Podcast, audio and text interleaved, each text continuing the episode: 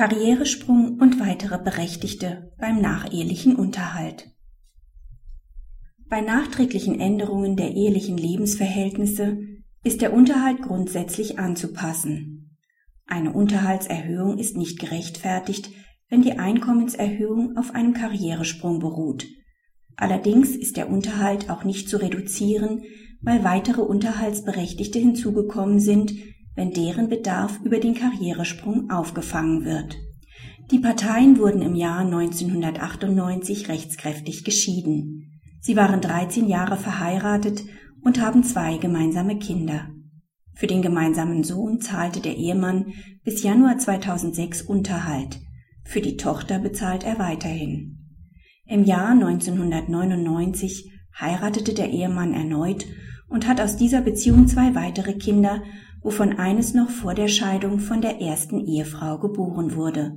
Das zweite Kind wurde drei Monate nach Abschluss der letzten Vereinbarung zur Abänderung des Unterhalts der ersten Ehefrau im Jahr 2004 geboren.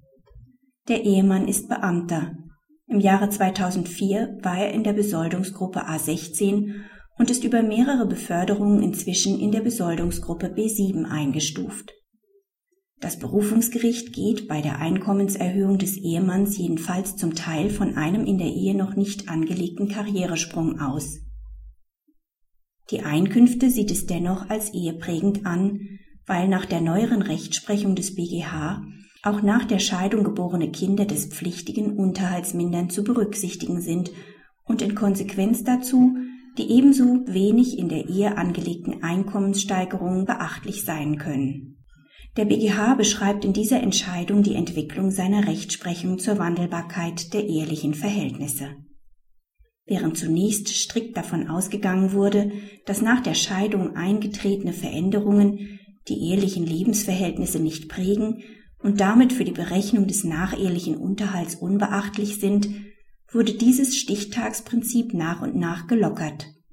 So wurde der Wegfall eines während der Ehe geschuldeten Kindesunterhalts berücksichtigt und die bedarfsprägende Berücksichtigung einer nach der Scheidung aufgenommenen Erwerbstätigkeit als Surrogat für die eheliche Haushaltstätigkeit anerkannt. Inzwischen hat der BGH seine frühere Rechtsprechung zur Bemessung der ehelichen Lebensverhältnisse nach einem Stichtag aufgegeben. Die grundsätzliche Wandelbarkeit der ehelichen Lebensverhältnisse wird durch den Zweck des nachehelichen Unterhalts einerseits und die fortwirkende eheliche Solidarität andererseits begrenzt. Der Unterhaltsberechtigte soll dabei nicht besser oder schlechter stehen, als er während der Ehe stand oder aufgrund absehbarer Entwicklungen stehen würde. Ein unerwarteter Karrieresprung wird damit weiterhin grundsätzlich als nicht eheprägend angesehen und Einkommensminderungen des Pflichtigen sollen immer dann zu berücksichtigen sein, wenn der Pflichtige die nacheheliche Solidarität nicht in vorwerfbarer Weise verletzt hat.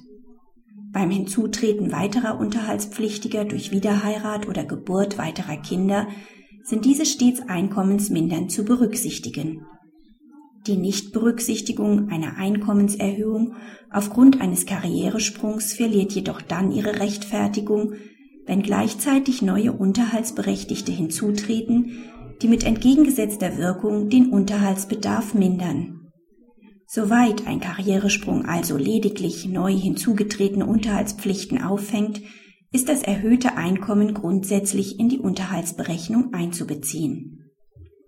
Praxishinweis Karrieresprungfälle finden sich durch die größere zeitliche Distanz zur Scheidung häufiger in Abänderungsverfahren zu bestehenden Titeln und bei Streit über das Ende freiwillig geleisteten Unterhalts.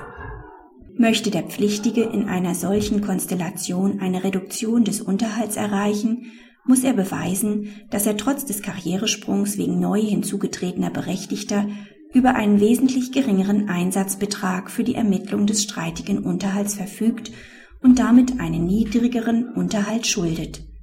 Begehrt dagegen der Berechtigte eine Erhöhung des Unterhalts, kann der Pflichtige einwenden, dass in dem Maß, in dem sich bei der Gesamtbetrachtung ein höherer Anspruch ergibt, nicht prägende Einkünfte vorliegen.